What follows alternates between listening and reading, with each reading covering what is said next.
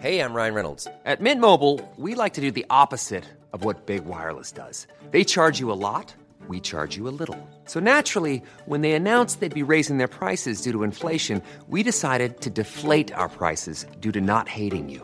That's right. We're cutting the price of Mint Unlimited from $30 a month to just $15 a month. Give it a try at mintmobile.com slash switch. $45 upfront for three months plus taxes and fees. Promo rate for new customers for limited time. Unlimited more than 40 gigabytes per month. Slows. Full terms at mintmobile.com. Ukas annonsør i Foreldrerådet er Ekstra. Det er grillsesong. Endelig. Alle dere som har fulgt meg gjennom en lang vinter, vet at jeg har nesten strøket med av kjedsomhet. Men nå kan vi spise ute, vi kan leve ute, vi kan henge ute, og vi kan grille. Ekstra har sitt største grillutvalg noensinne, og hør godt etter nå. Her er en del av grillutvalget deres. Habanero-pølser, salsiccia-pølser, black aged pepper-pølser, cheesy bacon-pølser, beefy burger, cheesy burger, skinny burger, big beefy gourmet-burger, fiskeburger med hvitløk, fiskeburger med baconrødbet og søtpotetburger, soppburger, barbecue grillfilet, svinenakke med oregano og tomat, urtemarinert fårefilet, brisket, eller brisket som det egentlig heter, T-bone steak, flank steak, tomahawk, laksefilet med pesto, laksefilet med sitron, scampi med hvitløk og urter, crispy fiskeburger med ost, kyllingfilet med sitron og urter, kylling overlår, gyros, kyllingspyd, smoke, barbecue, lårfilet av kylling og entrecôte. Takk for meg. Dette er bare noen av produktene i Ekstra sitt største grillutvalg noensinne, og kommer bl.a. fra Norges mest prisvinnende grillserie, Grill Perfekt.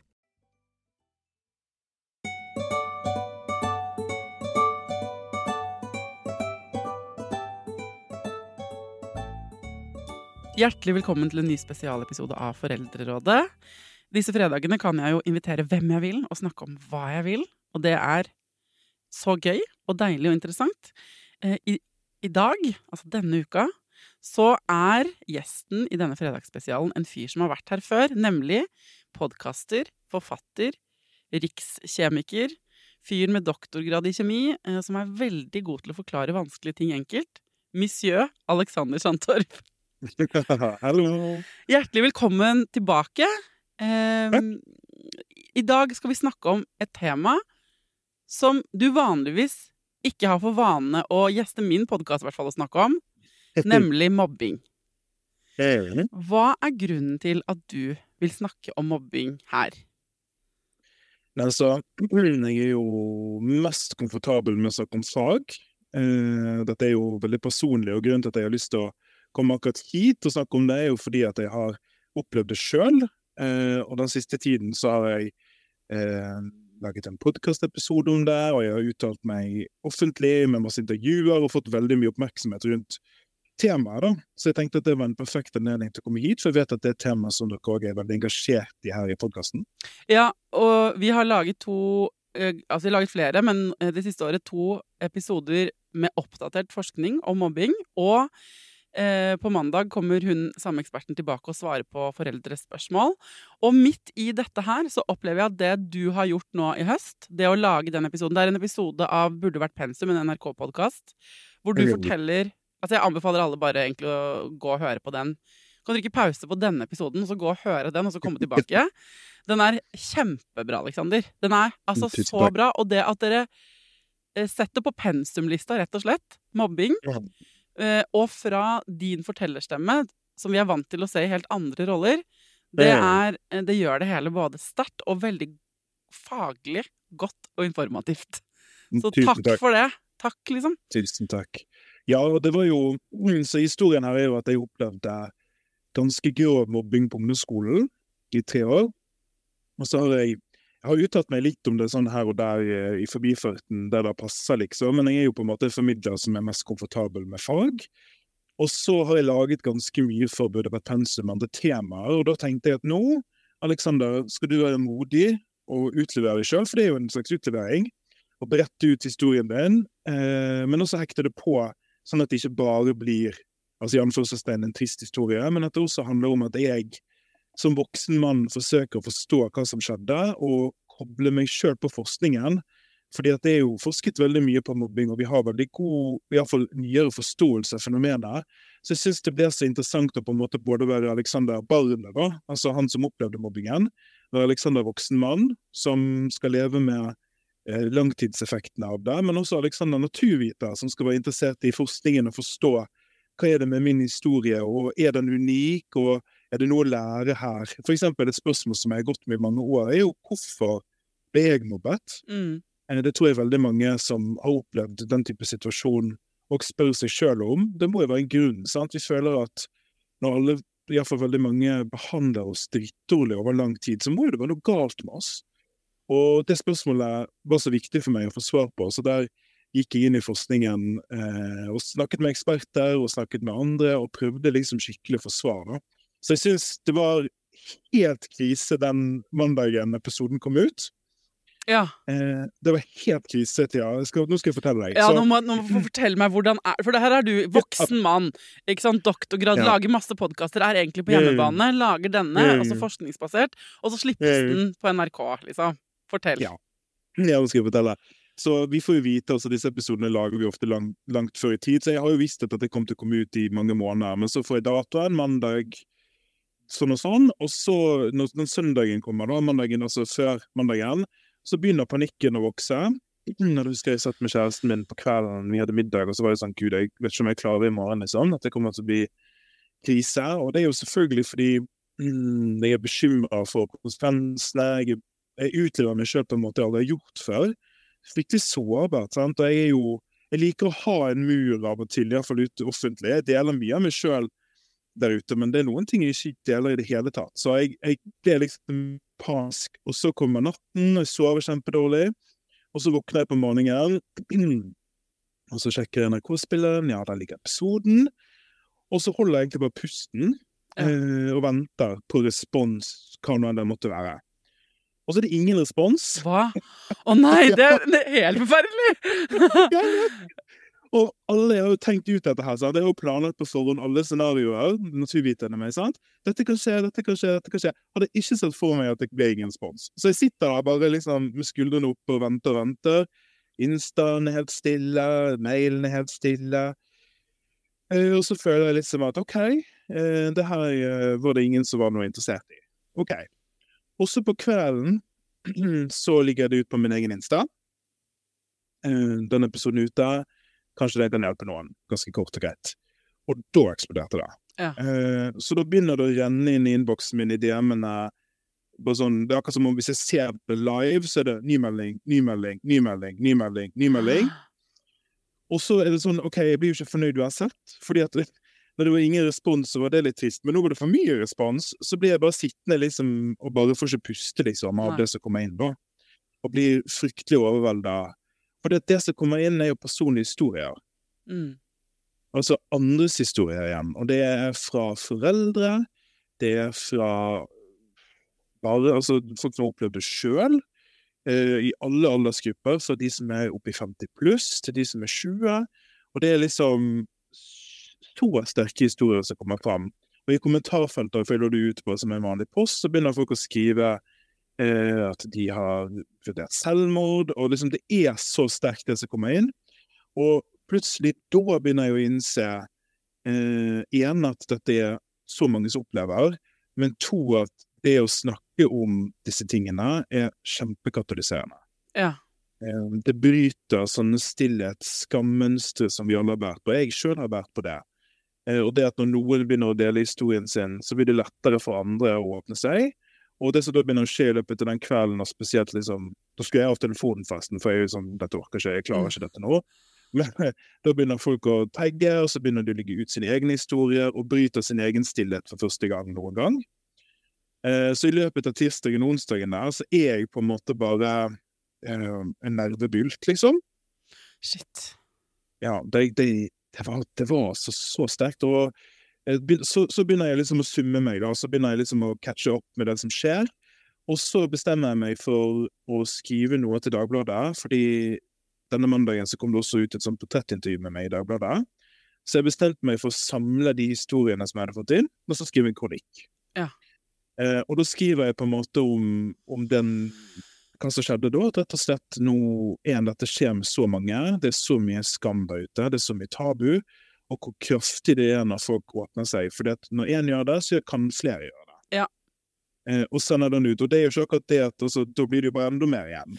Ja, ja for det du gjør, ikke sant, som du kanskje ikke tenker over Du, Med utgangspunkt i din historie, og du vil forstå deg sjøl, så sier du ja, du tar ned den muren. En mur, du, du, pleier ikke å dele denne delen av deg selv i offentligheten. Og det er også sånn, den muren, eller den bobla, da, du popper på en måte en hinne mellom deg. Så mm. bare deler du noe fra en mørk avkrok ikke sant, som har mm. ligget inni der. Og så det som er så ko-ko, er at når man gjør det, så, så gjør andre det. Og så blir det en sånn forløsning. Sånn brrrt, popper det tusenvis av bobler, eller river ned tusenvis av murer rundt. Og du blir jo stående, da, men, hvor, men føler du da et ansvar for å på en måte følge opp hver enkelt av de andre? Hvordan har du deala med det? Ja, nei, altså Jeg føler et ansvar for å svare og lese. For det er litt sånn Når folk avsender for første gang ofte sine vanskelige historier, så er det noe med at jeg føler at jeg må ta litt tid til å faktisk mm. lese det. Eh, og i begynnelsen der så prøvde jeg å svare alle personlig, eh, for det følte jeg sterkt ansvar for å bare liksom Ikke at jeg kan fikse noe eller hjelpe, eller noe sånt, men det er bare sånn, det er mottatt, liksom. Jeg hører, jeg ser. Takk for at du delte. Eh, men så begynner jeg til slutt å miste oversikten, fordi at det blir så mange. Eh, så til slutt så måtte jeg bare skrive at eh, jeg prøver å lese alt, jeg prøver å svare alle, for mm. det føltes veldig viktig for meg. Men jeg, jeg, klarte ikke det til slutt, for det blir for mye. Men med tanke på at, ikke sant, når du får denne responsen også, eh, Det betyr jo at det er tusenvis av oss ja. voksne der ute som har våre egne historier med, eh, som ligner på dine. Det er jo da tusenvis av voksne mennesker som da er i jobber, de har kanskje lederstillinger, de sitter i verv, og de har unger. Og så sitter de på samme måte som deg med en historie hvor de har opplevd eh, mobbing i barne- og ungdomstid, liksom. Kan du si liksom, noe om hva, hva vet vi at er, kan være effekten av mobbing for oss som er voksne nå, da? Ja, eh, det vi vet er jo at det får langtidseffekter, at det er veldig vanlig. Um, og det er selvfølgelig individuelle forskjeller, og det avhengig av hvordan mobbingen utartet seg og sånn, men noen av de konsekvensene det kan få, er jo fysiske, altså type PTSD-lignende symptomer. Du kan ha mareritt, anspenthet, hodepine. Eh, og andre ting er jo psykologisk. At du blir dårlig på å ta kritikk. At du skyr eh, grupper, at du unngår lunsjen. altså Det er så mange sånne ting som kan, som kan påvirke deg. Det som er skummelt for meg, og som er også igjen i forskningen, er jo at eh, når du blir på en måte voksen og ferdig med mobbingen, da, så er du ikke ferdig. Eh, det er en sånn myte som vi hører ofte, eller som vi, vi liker å tro på, da, at når, når, vi kommer ut av situasjonen, så er også situasjonen vekke. Mm. Eh, og det har jeg likt å tro sjøl òg. Jeg likte sånn, Nå er du voksen mann, Alexander, du har overtaket. sant? Uh, men jeg begynte å se at det påvirket en del interaksjoner som jeg hadde. For eksempel så er jeg veldig lite glad i store grupper. Og jeg begynte å innse oi, kanskje, kanskje det har opphav her. Jeg har aldri tenkt noe kritisk på det. Eh, jeg kan veldig lett eh, hoppe raskt til en konklusjon. Altså, jeg kan veldig lett tro at når folk skal snakke med meg, så er det negativt ment. Ja. Jeg liksom med en gang tolker det dit. Det er et tillært mønster sant, som jeg har for andre interaksjoner. Så når jeg begynte liksom å grave i det og brette i det og fortelle om det, så, så er det òg en ting som mange andre fortalte meg, at ja, jeg òg er sånn. Ja. Jeg òg har jeg er, ja, sånn som du sier, jeg er leder i X, Y og Z kjempevellykka på papiret, bare helt sånn der eh, Alt ser perfekt ut, liksom, men jeg har dype demoner som jeg går rundt med hver dag, og som jeg ikke snakker om, eller som mm. jeg føler jeg har fortjent, da. Altså på grunn av at man føler ofte at, at mobbing er noe man på en eller annen måte har tiltrukket seg. Eh, og akkurat mobbing Altså, alle voksne mennesker, og det tenker jeg de som hører på denne podkasten, alle har vi vårt. Ikke sant? Det er, er, jo ikke sånn at noen av oss i livet har kommet så langt som vi har nå, om vi er 25 eller 35 eller 45 eller 55, spiller ingen rolle, uten noen sår. Altså, mm. sånn er det.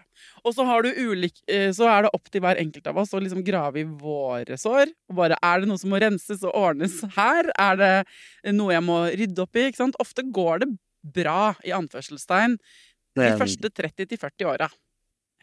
Jeg hører fra mange om det er mobbing eller andre ting som de finner ut av etter hvert at det er årsaken.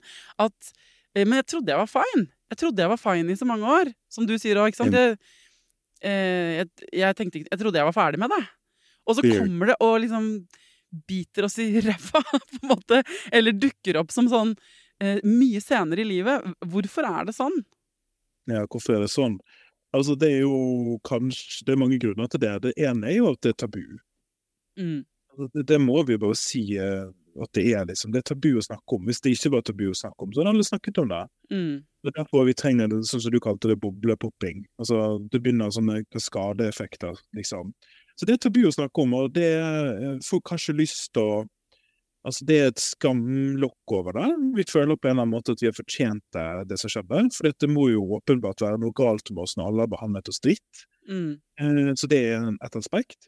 En annen er jo hva slags delingskultur du er vant med. sant? Her er det litt forskjell mellom kvinner og menn og sånn, og jeg, får høre fra mange gutter at uh, Sorry, ass, det er ikke noe sted for meg å lufte det her, liksom. Det skal være god stemning i, i gutter, guttestemning, liksom. Det skal være god stemning hjemme, så skal jeg være den sterke mannen. Så vanskelig for meg å åpne opp.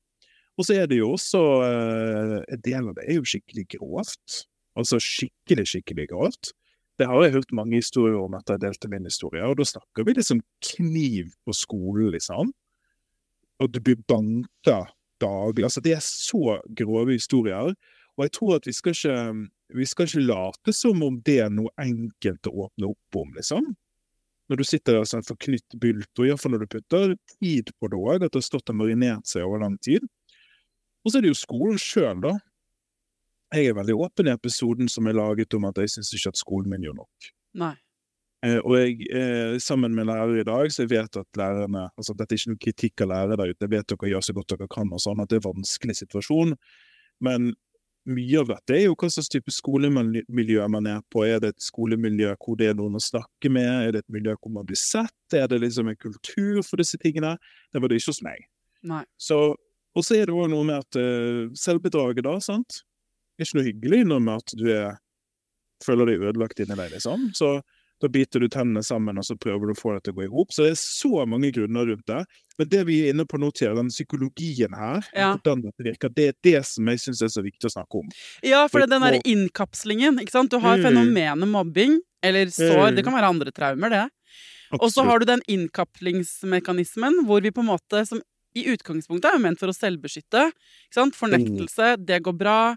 Eh, skam, unnvikelse, fornektelse igjen, skam, unnvikelse, og så bygger de på seg, og så blir det et ganske sånn solid lokk, som da koster det mye, mye mer å komme gjennom, og det rekker å bli mye mer infisert da, under det lokket, og det får noen følgefeil. Man kanskje ikke skjønner at det er følgefeil fra det engang? I syke eller fysiske symptomer. Eh, Mm. og så er det den jobben du har gjort, da, som du også snakker om i den episoden. Ikke sant? Hvordan man tar, går da, hvis man er heldig, kommer til en psykolog, finner noen å snakke med, og kan ta av lag for lag, og, og få liksom eh, sette liksom strek mellom sånn prikk til prikk, og på en måte skjønne hvordan det henger sammen. Og gjennom det få rydda opp da, og rensa de sårene, da, for å bruke det bildet igjen. Men det er, ikke, det er ikke en liten jobb, det heller. Nei, og så må vi Altså, jeg er en ganske ressurssterk person. Det er, av en eller annen grunn så er jeg bare sånn, liksom. Jeg, jeg, jeg, det, er ikke, det er ikke en fortjeneste av meg, fordi at jeg bare alltid har vært sånn. Så må det være et eller annet genetisk. Så for meg er det på en måte Altså, jeg har ressursene, da, hvis du vil si det på den måten. Jeg har ressursene til å gjøre den jobben. Jeg har ressursene til å sitte i terapi, og For det er fryktelig rart i terapi. Men så må vi jo huske at det er ikke alle som er det heller, sant? Nei. Hvis du er så knekt av dette her, så er det å dra til en psykolog kan være det føles helt umulig, og pluss at det ikke er lett å få psykolog. Så det er, Nei. nei. Det er ikke lett heller. så er mange hindre der ute, altså. Men jeg lurer på mm, ikke sant? eh, Fortrinnsvis de som hører på Foreldrerådet her nå, da, de har jo barn sjøl. Det, Sånn som meg. Og eh, vi tenker jo da En ting er ikke sant, våre egne historier, hvordan vi har hatt det, og hvis du som hører på nå har blitt utsatt for mobbing, og kjenner det i magen når Alexander snakker nå, ikke sant, så kan det være et tegn på at det kan være noe å oppdage og utforske i det for deg. Men så er vi jo også foreldrene til små mennesker som er ute i Mm. den brutale hverdagen. Eh, på tross av fantastiske lærere og gode intensjoner overalt, så vet vi jo at mobbing fortsatt forekommer mye, like mye, eh, som før. Eh, og i episoden dere lagde, så er det jo også sånn en som sier, en fagperson sier sånn, det der å ha sånn nullvisjon om mobbing er liksom urealistisk. Som er deprimerende å høre. Da lurer jeg da på, Alexander, hva skal vi foreldre Hva er det vi kan gjøre eh, hvis vårt Ja. barn opplever mobbing? Ja, så da er det jo flere lag, men hvis vi begynner personlig, da, eh, det du, altså, så er det jo det er jo rett og slett å være der for barna dine. Det er ikke noe magisk bilde, liksom. Jeg, jeg tror òg barn er forskjellige òg, og foreldre er forskjellige og sånn. Sånn som det var hos meg, hvis det er nyttig å høre, så jeg kan ikke huske at jeg fortalte mamma noe som helst. Nei. Altså, jeg har ingen minner av det, men hun, hun visste det. Så okay. det er noe med det å bare være til stede og plukke opp ting som ikke blir sagt og sånt. Og hun var i mange møter med skolen og prøvde så godt hun kunne hjelpe. Og det er jo, et, det er jo kjempebra. Ja, ja, det er kjempebra. Bra gjort av mammaen din. Men når du ikke husker at du har snakket med henne, husker hun at hun har snakket med deg da? Og jeg husker at altså, det som hun har fortalt meg i ettertid, og når jeg har spurt om det, det er jo at det kom, jeg har kommet hjem med helt sånn åpenbare tegn av at det har skjedd noe. Mm.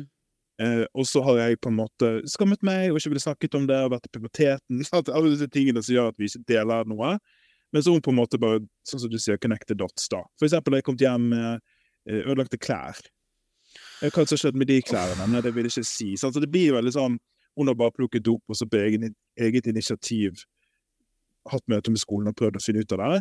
Og så har jeg visstnok sånn av og til mumlet litt om visse personer og sånt, da Ja. som jeg syntes var vanskelig å være rundt. Men jeg har ikke sagt de mobbet meg, men jeg sånn, jeg var ikke, syntes det var vanskelig å være rundt dem. Så nå har prøvd å få flytta de og sånt.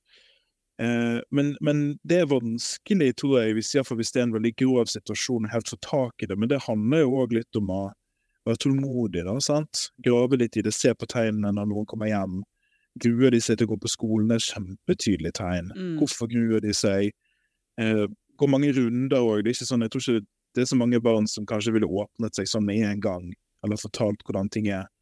Ha en god relasjon hjemme, der det går an å snakke om disse tingene. Ja, i det minste, da. ikke sant? For hvis vi ikke har kontroll over Altså, la oss si vi ikke har kontroll over om mobberne kan slutte å mobbe. Og vi har ikke helt kontroll over om skolen kan, kan Vi kan gjøre det vi kan, og vi har, eh, Mm. eh, vi har retten og loven på vår side som foreldre. De er pliktige å, å iverksette tiltak. Men alt det der har på en måte Det er litt utenfor vår foreldrekontroll også. Ja, Så liksom, hvis du ikke kan gjøre noe av de tingene, da, eller når du har gjort det du kan på de områdene, den siste biten der som er sånn å være personen til barnet ditt. Altså på en måte sitte med barnet ditt i det som er så jævlig urettferdig og vondt, da. Um, det føles litt lite, for å være ærlig. Som, ja, ja, det føles Forel- det føles hjelpeløst, ikke sant? Ja, det skjønner jeg veldig godt. Og det er mange som har fortalt meg òg. Altså, som er um, foreldre sjøl, og som spør meg om råd. Hva kan jeg gjøre? Gutten min sliter, jenten min sliter, det er vanskelig på skolen. Og jeg skjønner det veldig lite. Jeg skjønner det veldig godt at det er frustrerende. Men samtidig, altså Samtidig, hvis det går lang tid, da, over lengre tid og sånn, eh, så er det å ha et hjem der man vet at man kan komme hjem og ha det trygt, og man vet at man kan snakke om det hvis man vil, og man vet at man får støtte og blir lyttet til og trodd. Altså det, du skal ikke undervurdere det heller, nemlig, Nei. langtidsmessig. Og så er det en annen ting som er så viktig, dette er kanskje det aller viktigste hvis man skal tenke på hva man kan gjøre som foreldre, det er å være et godt eksempel. Ja. Disse barna er ikke onde barn, de som mobber. De er ikke onde barn, det finnes ikke noe som heter onde barn. Eh, og det er forskningen veldig tydelig på, og det er så viktig for meg dette bildet at de som mobber, har det også vondt. Mm. de jo sliter lenge etterpå med konsekvensene. Og når man utagerer på den måten over lang tid, så er det fordi at ting er ille hjemme, eller hvordan den er. Og det som vi ser ofte, og dette har jeg merket det som på privaten òg, det er at voksne kan gi av seg helt jævlige ting rundt Ja. barn. Om andre barn, om ting de ser på TV, om måten folk ser ut på. Altså, De lærer jo disse mønstrene, eller tar de med seg på skolen andre steder. Og da er det jo lurt å tenke litt at du skal om ikke barnet ditt blir mobbet sjøl, så er du veldig heldig, men du kan i hvert fall bidra til at ikke det barnet blir en mobber òg. Here's a cool fact a crocodile can't stick out its tongue. Another cool fact you can get short term health insurance for a month or just under a year in some states. United Healthcare short term insurance plans are designed for people who are between jobs, coming off their parents' plan, or turning a side hustle into a full time gig.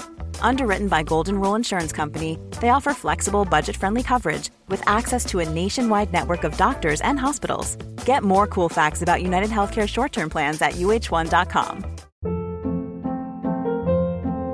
Hold up. What was that? Boring. No flavor. That was as bad as those leftovers you ate all week. Kiki Palmer here, and it's time to say hello to something fresh and guilt-free. Hello Fresh. Jazz up dinner with pecan-crusted chicken or garlic butter shrimp scampi. Now that's music to my mouth. Hello Fresh. Let's get this dinner party started. Discover all the delicious possibilities at hellofresh.com. Quality sleep is essential. That's why the Sleep Number Smart Bed is designed for your ever evolving sleep needs. Need a bed that's firmer or softer on either side? Helps you sleep at a comfortable temperature? Sleep Number Smart Beds let you individualize your comfort so you sleep better together. JD Power ranks Sleep Number number 1 in customer satisfaction with mattresses purchased in-store. And now, save 50% on the Sleep Number limited edition Smart Bed for a limited time. For JD Power 2023 award information, visit jdpower.com/awards. Only at a Sleep Number store or sleepnumber.com.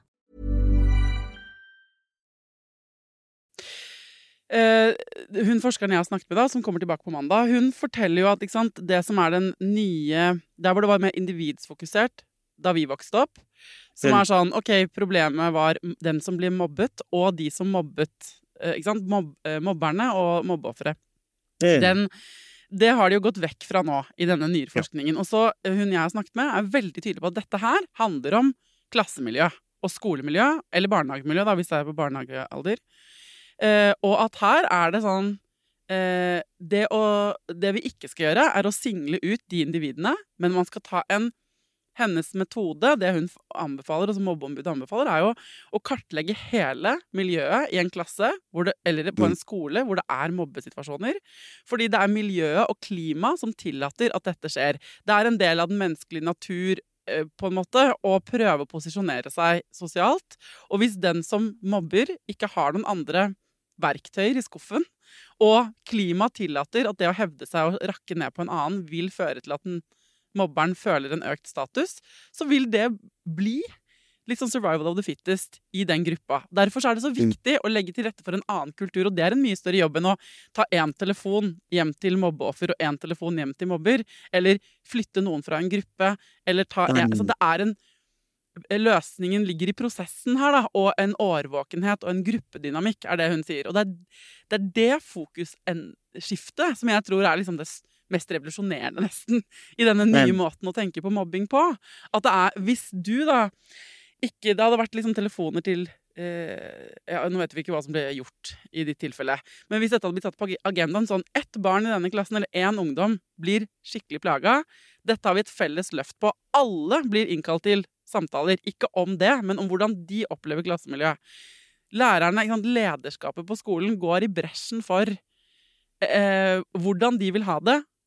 Eh, Så da, da, har man et helt annet Man har noen helt andre ressurser å bygge på enn når man skal gå til tre eller to eller fem stakkars individer som sliter alle sammen på hver sin kant, da, med ulike ressurser på hjemmebane.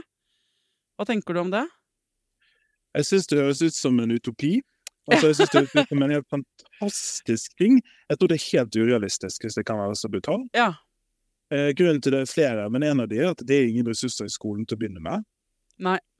Altså, jeg bare snakker med en lærer der. De ikke, hvor, skal, hvor skal pengene til dette komme fra, hvor man kan ta så mye tid til å gjøre disse tingene? Det var helt fantastisk hvis jeg kunne gjøre det, men jeg, jeg, ser, ikke, jeg ser for meg at det blir bare en sånn fint ideal som ikke er mulig. Så her er det noe politisk som må skje hvis det skal kunne muliggjøres. Og så er det en annen ting, og det er at ja, jeg hører dette, for dette var en ting som jeg òg tenkte på når jeg lagde episoden og sånn, og som jeg tror faktisk er med òg, eh, som blir sagt på tape, fordi det var viktig å få med at er et nytt perspektiv.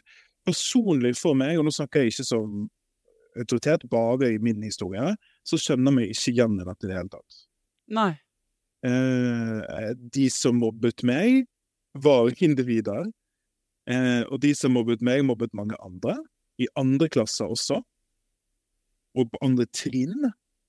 Og da er det veldig vanskelig for meg, for nå har jo jeg jo personlig investert, så det er vanskelig for meg personlig å si Ja ja, men det var dynamikken som var noe galt. Nei, for meg, sånn som det var i min situasjon, så var det helt åpenbart enkelte personer som var problemet. Ja, og, og, og for det første så tror jeg at det også av og til er tilfellet. Altså sånn er det noen ganger. Og det er jo det man må finne ut. Ikke sant? For andre ganger så er det kanskje altså, Men det man kan si, da Nå skal ikke jeg argumentere din historie er din historie, men det at noen At det, at det ikke ble slått ned på Og man kan jo se for seg at i en gruppedynamikk, hvis noen oppfører seg ræva hjemme hos oss, da, for å si sånn, så det. er det sånn at det tillater ikke vi andre. Mm. Ikke sant? Eh, eller hvis det er eh, folk som er eh, Hvis vi har en hel gruppe med barn hjemme hos oss, og jeg observerer eh, den gruppen med barn er trygge og gode, og én læsjer ut mot en annen på en ukul måte, så ser jeg jo at de andre barna hopper til. Og så er det den som Mm. gjør det, som får korreksen. Ikke sant? Og det, det er der klimaet kommer inn. Det er det jeg tror hun mener, da, men nå er ikke jeg hun forskeren. Men at Nei, nei, nei. At det er det samme på en arbeidsplass, for det foregår masse mobbing på arbeidsplassen blant voksne òg. Hvis du har et miljø på arbeidsplassen hvor det er hvor det er tilsynelatende innafor å bare invitere tre av kollegaene dine på lønningspils, da, eller å utestenge eh, to kollegaer. Og hvis ikke de andre kollegaene i det fellesskapet sier sånn Hei, det er jo helt Vi inviterer alle. Sånn er det her. Så vil den kulturen få sette seg. Sant? Og det er derfor jeg tror hun peker på det, da. Og så er jeg enig i at det, eh, for, eh, akkurat hvordan man skal gjøre det, vet jeg jo ikke, men kostnadene i et samfunnsperspektiv på at så mange barn og unge har så dyrekjøpte, forferdelige opplevelser, de kostnadene skal man heller ikke kimse av. Hva er da poenget med Altså Regjering.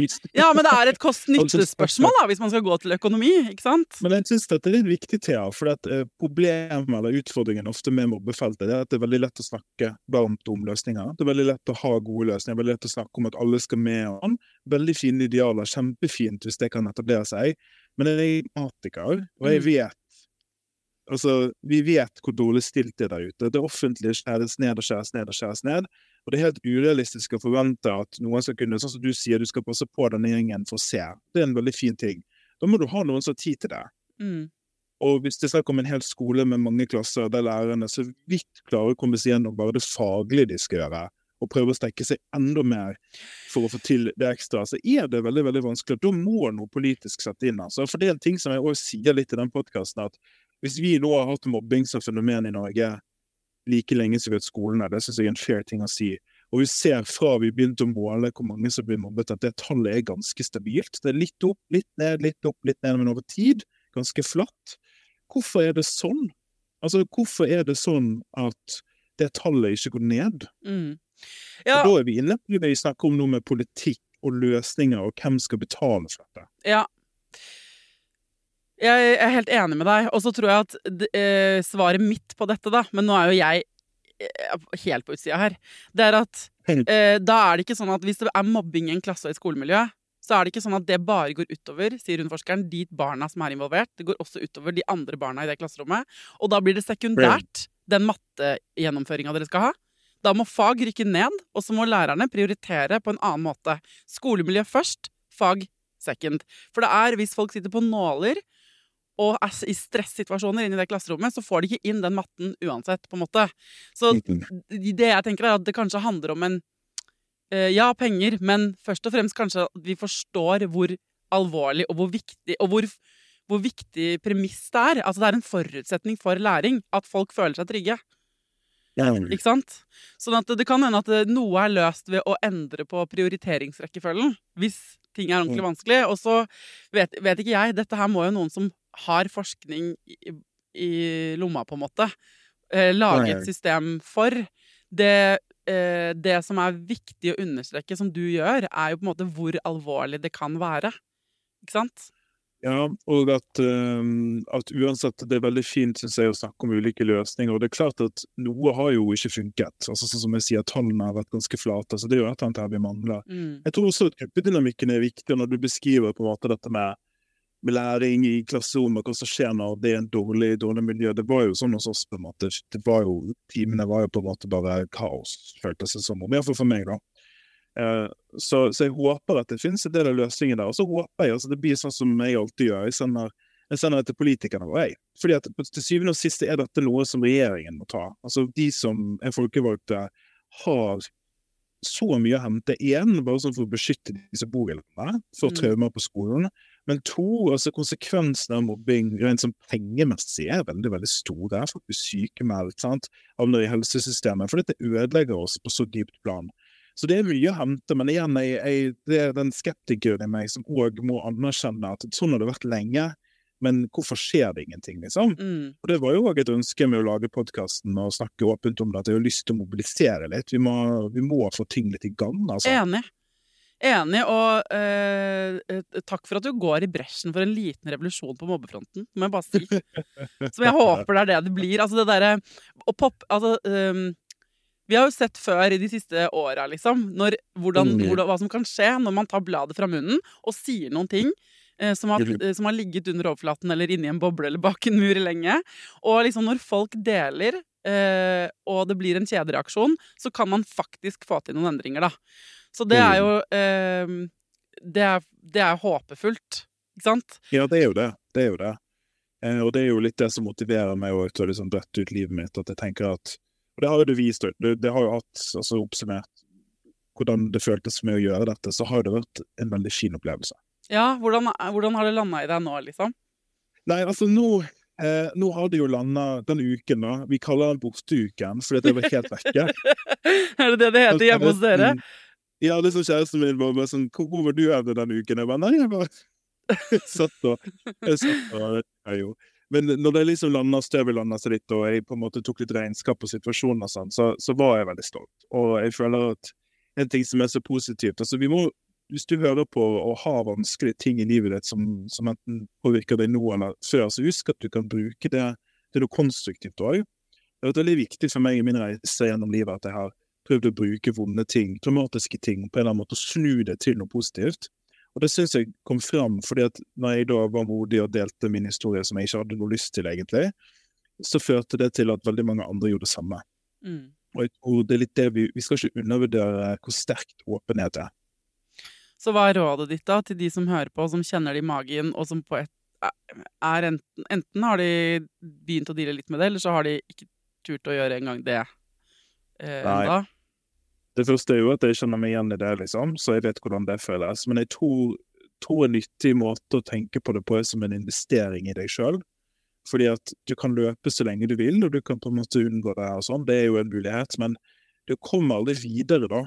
Og jeg vet fra historier som jeg har hørt, at veldig mange syns at den første samtalen er vanskeligst. Den første gangen de sier til partner eller kjæreste eller familie eller hva nå det er, du, jeg ble mobbet, det var veldig vanskelig for meg. Eh, og det er jo et sånt øyeblikk der du bare må stå på stupet og bare stole på at dette kommer til å gå bra. Men etterpå så er det bedre, fordi at da kan du begynne Altså, du må først si hva noe er, før du kan håndtere det. Mm. Og jeg, jeg kan bare si helt med hånden på hjertet at den terapien jeg gikk gjennom, var veldig, veldig hard. Jeg skal ikke late som terapi er enkelt, men det er ikke en dag som går uten at jeg liksom er kjempeglad for at jeg gjorde det. Åh. Ja, det er veldig deilig at du også understreker at det er skikkelig hardt. For jeg synes også det. folk forteller ofte historier om at sånn, jeg sto på kanten av stupet, jeg hoppet, og så ble alt bra.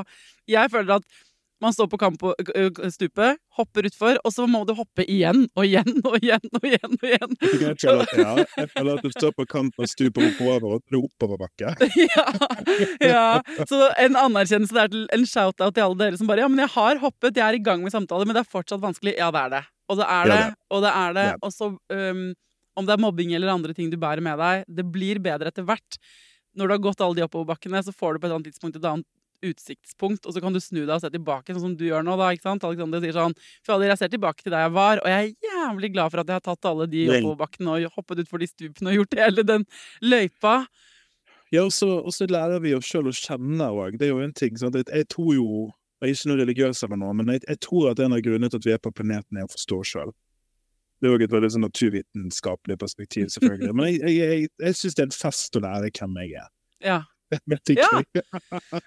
og det er jo en ting med at eh, det å forstå seg sjøl handler òg om å forstå hvorfor vi utagerer, eller hvorfor vi har vondt inni oss når noe skjer, eller hvorfor vi unngår disse situasjonene, eller osv. Dette er jo òg alle konsekvensene av mobbing. Så i dag, hvis jeg er i en situasjon som jeg merker det blir trigga av. og så Da kan jeg plassere det veldig ryddig inni meg. Da er det sånn Ja, nå Alexander, er det sånn fordi pappa, pappa, og det skjedde, og det skjedde, og Mm. det skjedde.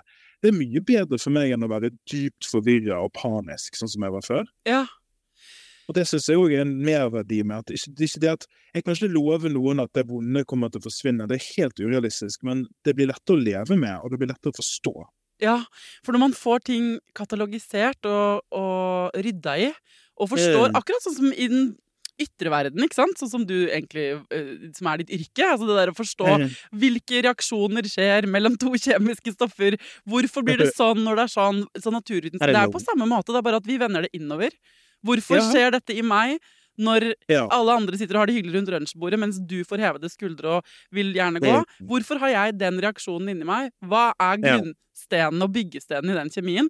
Og da må man inn i det psykologifeltet, og så har det, tror jeg, et litt sånn historisk dårlig rykte for å på en måte ikke være så viktig, men det vi, den forståelseshorisonten og de brillene vi har på oss hver dag når vi ser på Mm. verden, uansett hvor naturfaglig vi ser på den, de brillene er laget av de erfaringene. Så Ja, ja. ø, ø, hvordan du forholder deg til verden utenfor, både på godt og på vondt, har det. 100 å si med hvordan du har hatt det, og hvordan du har tolka verden tidligere. Sånn at hvis du skal forstå hvorfor du erfarer verden sånn som du gjør, så må du også ta med deg sjæl og din egen historie. Ikke sant? Og det Jeg kjenner meg veldig igjen i deg sånn i forhold til å synes det er interessant. Ikke sant? Å kartlegge seg selv. Jeg kjenner jo mange som ikke syns det. Bare 'herregud, jeg orker ikke det'. Men jeg blir sånn 'hæ, det er jo en oppdagelsesreise'. Jeg skjønner jo, ikke sant? Og hvis man klarer å ta på seg nysgjerrighet, da. Briller av nysgjerrighet og ikke skam. Briller av nysgjerrighet og ikke pekefinger. Så blir den uh, oppdagelsesreisen kanskje litt annerledes. Og litt Den blir fortsatt vond og vanskelig til tider, men den, den gir mening, da. Sant? Ja, det gir mening. Og så får du Til syvende og sist så vinner du på det. Det er litt viktig for meg at uh, det du får ut av en sånn prosess, selv om det kan være vanskelig Du må være modig, sant? du må utfordre deg sjøl, du må mobilisere sterke styrke og alt dette her, men du blir òg lettere å være kjæreste. Det blir Mm. jo lettere å være en kollega, det blir jo lettere å være en venn. Og det blir jo lettere å være aleine. Altså, alle disse tingene som vi er hver eneste dag i livene våre, blir litt lettere når du forstår igjen at men For eksempel for meg, da, så, så forstår jeg at jeg ble mobbet, og det var ikke min skyld. Mm. Det tok det ikke sju 20 år, kjempeteit men jeg måtte si det på den måten, for det høres ut som hvorfor tok det så lang tid? Men det var fordi jeg var så dypt inngravert i hvem jeg var. Og det er veldig godt for meg å vite på en måte at det har skjedd fæle ting med meg som jeg ikke fortjente. Mm. Og det at jeg kan sitte alene i stuen og vite det på kvelden når demonene kommer, liksom, kan jeg bare si nei, sorry ass, demoner, gå igjen, fordi jeg vet at eh, det var ikke min skyld, så må de gå ut igjen. Å, det er fint bilde!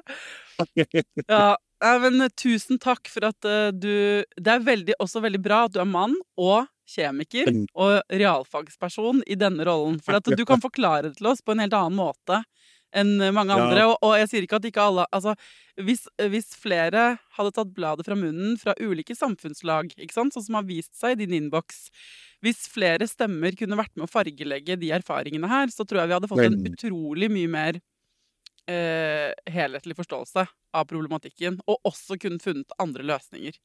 Men da Mm. må folk dele, og så må vi snakke om det i plenum, på en måte. Mm, helt enig. Og så er det jo det med statistikk og er jo at ja, vi kan vite jeg husker ikke 50 000 i året, tror jeg, som blir mobbet. Dette er tall som jeg tar litt fra hukommelsen. Altså 50 000 barn og unge som blir mobbet hver dag. Mange. Er Og hva skjer, med, hva skjer med den statistikken når vi blir voksne? Mm. Vi hører ikke for 50 000 i året om hvordan det var å bli mobbet. Vi hører for én. Mm. Jeg vet ikke, fire. Et veldig, veldig lite antall. Og, og sånn som du sier, og det var også så viktig for meg, og jeg er mann, jeg er naturviter, jeg er mange ting som du ikke egentlig assosierer med denne verden.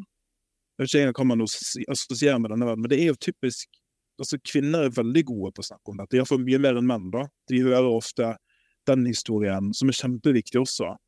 Men jeg, jeg følte òg at eh, det lå et sånt maskulint problem her for meg. Altså, liksom, jeg, jeg fikk ikke helt den der eh, jeg ble mobbet og plaget livskyten ut av, og jeg vil være en sterk mann. Jeg fikk ikke de to tingene til å, til å passe helt, sant? Nei, jeg skjønner hva du mener, og så har jo jeg hevdet veldig høyt i årevis, i hvert fall på privaten, da, til min kjæreste og de menn jeg kjenner, at det ytterste motet er jo nettopp det. Det, det derre maskuline bildet av at man skal liksom brumle og hogge ved, det, det, er ikke noe vanskelig. Det kan alle ja. gjøre. Det er en ganske ja. enkel måte å løse Det som faktisk koster skitt, det er å brette ut sårbarhet, stå i følelsene sine og mm. hoppe fra det stupet. Det er, ja. det er mot. Det er det som, hvis vi skal gå for hva som er idealet for det å være sterk, så er det jo det som burde vært idealet. Sant? Så jeg mener at det, ja. det er det. Eh, så eh, det er ingenting som er tøffere og mer mandig, da kan man si, hvis det er det som er du er ute etter, enn å stå i den fighten du har gjort akkurat nå. Så testosteronet bare pumpes herfra mot deg. Nei, men jeg er helt enig. Ja, og så tror jeg det som gjør at For nå er du kvinne som sier det. Ja. Jeg tror det som mangler litt her, for at menn skal komme videre også, det er at menn må si det. Ja, enig. Liksom, et, et, for jeg forstår dette inni meg. altså Det du sier, er 100, det er 100 sånn som jeg vil leve. Dette er ingen idealer om å være en sånn forknytt mann som bare er stille. Eh, men, men, likevel, det er noe med måten det offentlige og samfunnet altså Det er så mange sånne faktorer som spiller inn. Så jeg, jeg syns det er spesielt det er, Sånn som jeg sa med historier som kommer fra menn som 50 år gammel mann skrev til meg.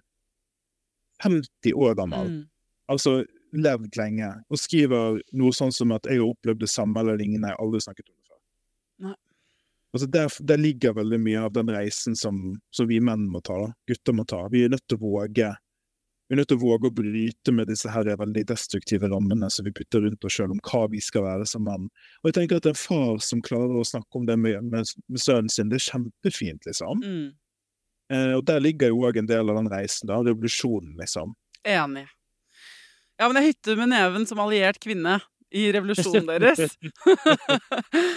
Tusen takk for at eh, du kom og fortalte om dette her i Foreldrerådet, Aleksander. Takk for at du fikk komme. Hvis du som hører på, kjenner deg igjen i det Aleksander forteller om, at du har en knute inni magen, eh, eller ikke sant, at du har tenkt mange ganger på hva er det, hva er grunnen til at dere reagerer sånn, hva er, det er Hvis du kjenner deg igjen i dette, vet du hva, ta mitt ord, ta Aleksanders ord på det. Det er verdt å starte den lille oppdagelsesreisen fra helvete noen ganger um, for å utforske hva det er som ligger i din historikk. Og hvis du har blitt utsatt for mobbing og ikke snakka med noen om det, da er det to streker under at det er viktig for deg å åpne den samtalen. Om det er med kona di eller med mannen din, om det er med en god venn, om du snakker med fastlegen din. Det er ikke så veldig viktig hvor du starter, men det å få deala med det, det er, eh, det er det verdt.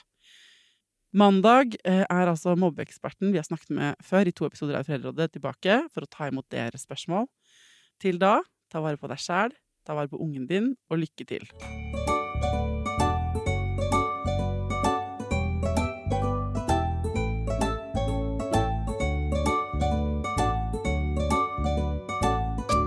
Produsert av Klinge.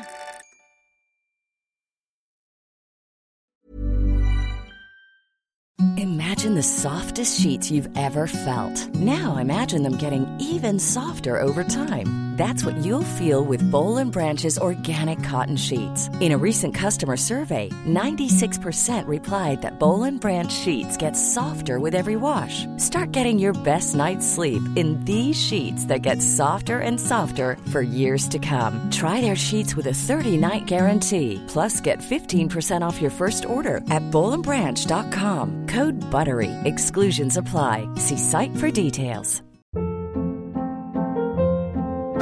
Hold up. What was that? Boring. No flavor. That was as bad as those leftovers you ate all week. Kiki Palmer here, and it's time to say hello to something fresh and guilt-free. Hello Fresh. Jazz up dinner with pecan-crusted chicken or garlic butter shrimp scampi. Now that's music to my mouth. Hello Fresh. Let's get this dinner party started. Discover all the delicious possibilities at hellofresh.com.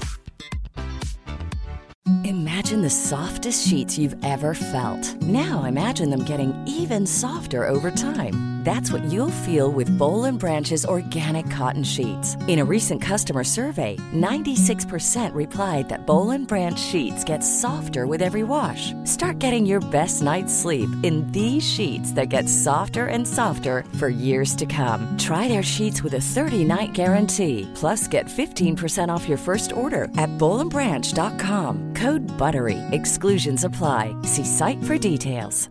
Hi, I'm Daniel, founder of Pretty Litter. Did you know cats tend to hide symptoms of sickness and pain? I learned this the hard way after losing my cat, Gingy. So I created Pretty Litter, a health monitoring litter that helps detect early signs of illness by changing colors, saving you money and potentially your cat's life. Pretty Litter is veterinarian developed, and it's the easiest way to keep tabs on your fur baby's health right at home. Go to prettylitter.com and use code ACAST for 20% off your first order and a free cat toy. Terms and conditions apply. See site for details.